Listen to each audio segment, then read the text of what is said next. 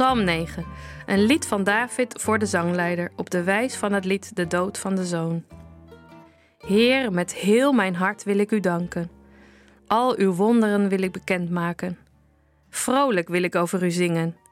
Ik wil voor u juichen, Allerhoogste God.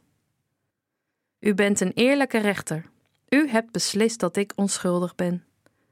Mijn vijanden vluchten als ze u zien. Ze vallen en ze sterven. U hebt mijn vijanden gestraft. Slechte mensen hebt u gedood. Niemand weet meer wie ze zijn. Mijn vijanden zijn verslagen. Hun steden zijn verwoest. Ze worden voor altijd vergeten. De Heer is koning voor altijd. Voor eeuwig zit hij op zijn troon. Daar spreekt hij recht. Hij is een goede rechter. Hij spreekt eerlijk recht over iedereen. De Heer helpt mensen die onderdrukt worden. Hij beschermt hen in moeilijke tijden. Mensen die Hem kennen mogen op Hem vertrouwen. Mensen die Hem zoeken laat Hij niet alleen.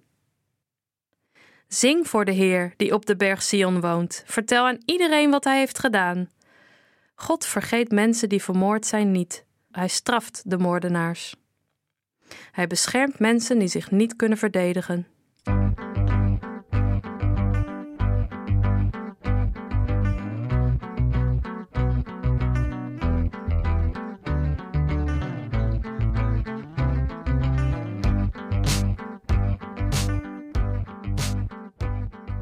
De eerste psalmen in de Bijbel staan allemaal op naam van David. Het gevaar is dat je dan denkt: oh, dit gaat over David en dus niet over mij. Ik zou je willen vragen of je de psalmen toch zo wil horen en lezen alsof ze over jou gaan. Dat is sowieso denk ik de crux van de hele Bijbel. Die eeuwenoude verhalen en gedichten bereiken jou, hier en nu, op dit specifieke moment. Misschien hoorde je de woorden van deze psalm wel in de auto, of op de fiets, of thuis achter je computer.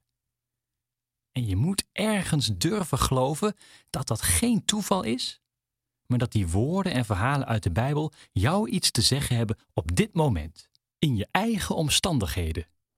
Of misschien onthoud je de woorden wel en ga je ze herinneren op een moment dat je ze nodig hebt.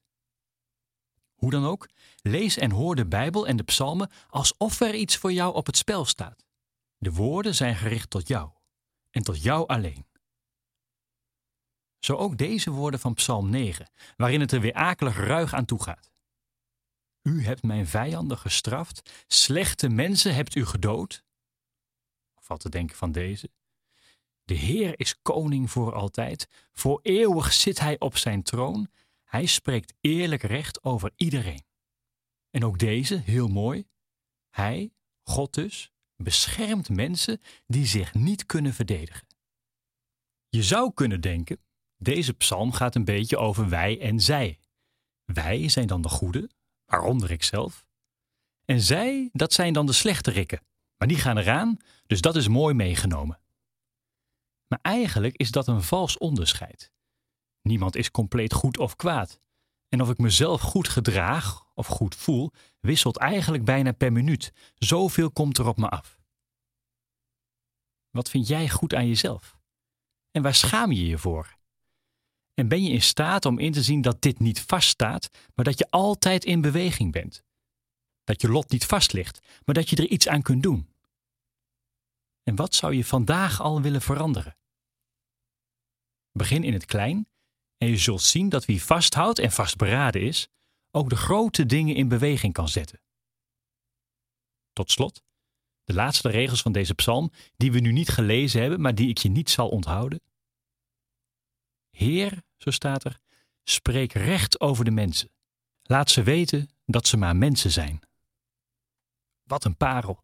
Je kunt je soms zo overmand voelen door het nieuws, door slechte mensen, door machtige mensen, door je omgeving.